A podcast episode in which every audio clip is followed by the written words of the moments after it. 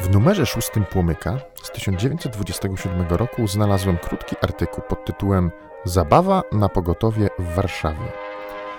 Opisywał on festyn, jaki odbył się w Ogrodzie Saskim. Zilustrowany był zdjęciem pięknie podświetlonej fontanny, która cieszy nas zresztą do dnia dzisiejszego.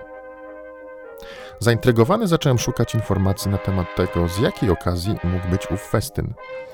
Tytuł i krótki opis sugerowały wprawdzie, że chodziło o medyków, ale notka była zbyt krótka, aby dowiedzieć się czegokolwiek więcej. Poszperałem więc nieco w necie i szybko domyśliłem się, że festyn odbył się z okazji Dnia Ratownictwa Medycznego, który rokrocznie ma miejsce 13 października.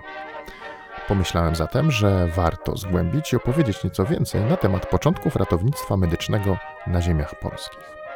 Temat bardzo na czasie, gdyż żyjemy w środku pandemii. Warto więc poświęcić nieco uwagi tym, którzy są na pierwszej linii frontu, bohaterom nie mniejszym od tych filmowych czy komiksowych. Skąd się wzięli, jak pracowali ich koledzy ponad 100 lat temu.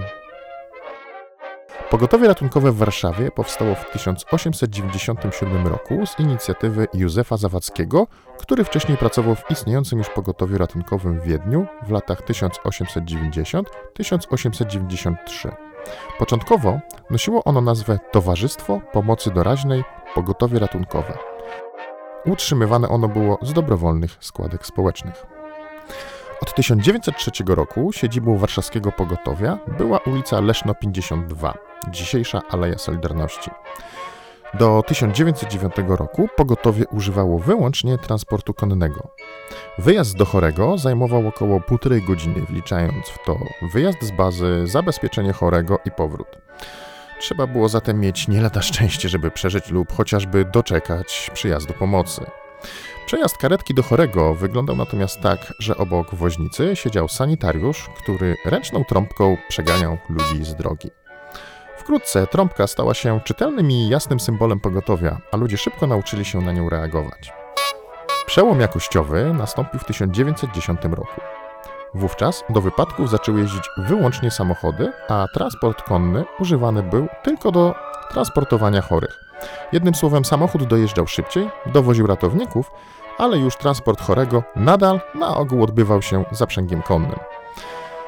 Pierwsze auto pogotowie warszawskie otrzymało w październiku 1909 roku od przemysłowca Jana Bricksa.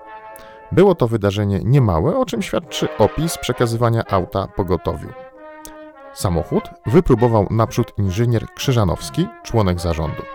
Później na szybkość i wytrzymałość prezes i sekretarz zarządu. Dopiero po zupełnym doprowadzeniu do sprawności oddano go pogotowiu ratunkowemu.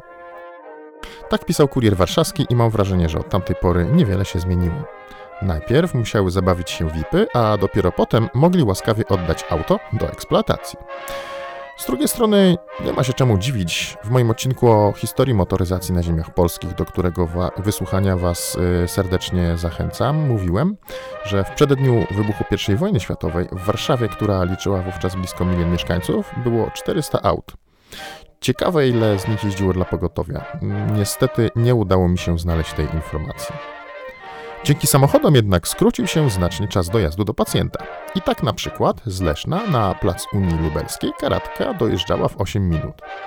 Dodam jeszcze, że w 1909 roku, a więc u progu motoryzacji pogotowia, pracowało w nim 16 lekarzy dyżurnych, 11 sanitariuszy oraz 5 woźniców. Ten skład uzupełniony był o trzech urzędników oraz jednego woźnego.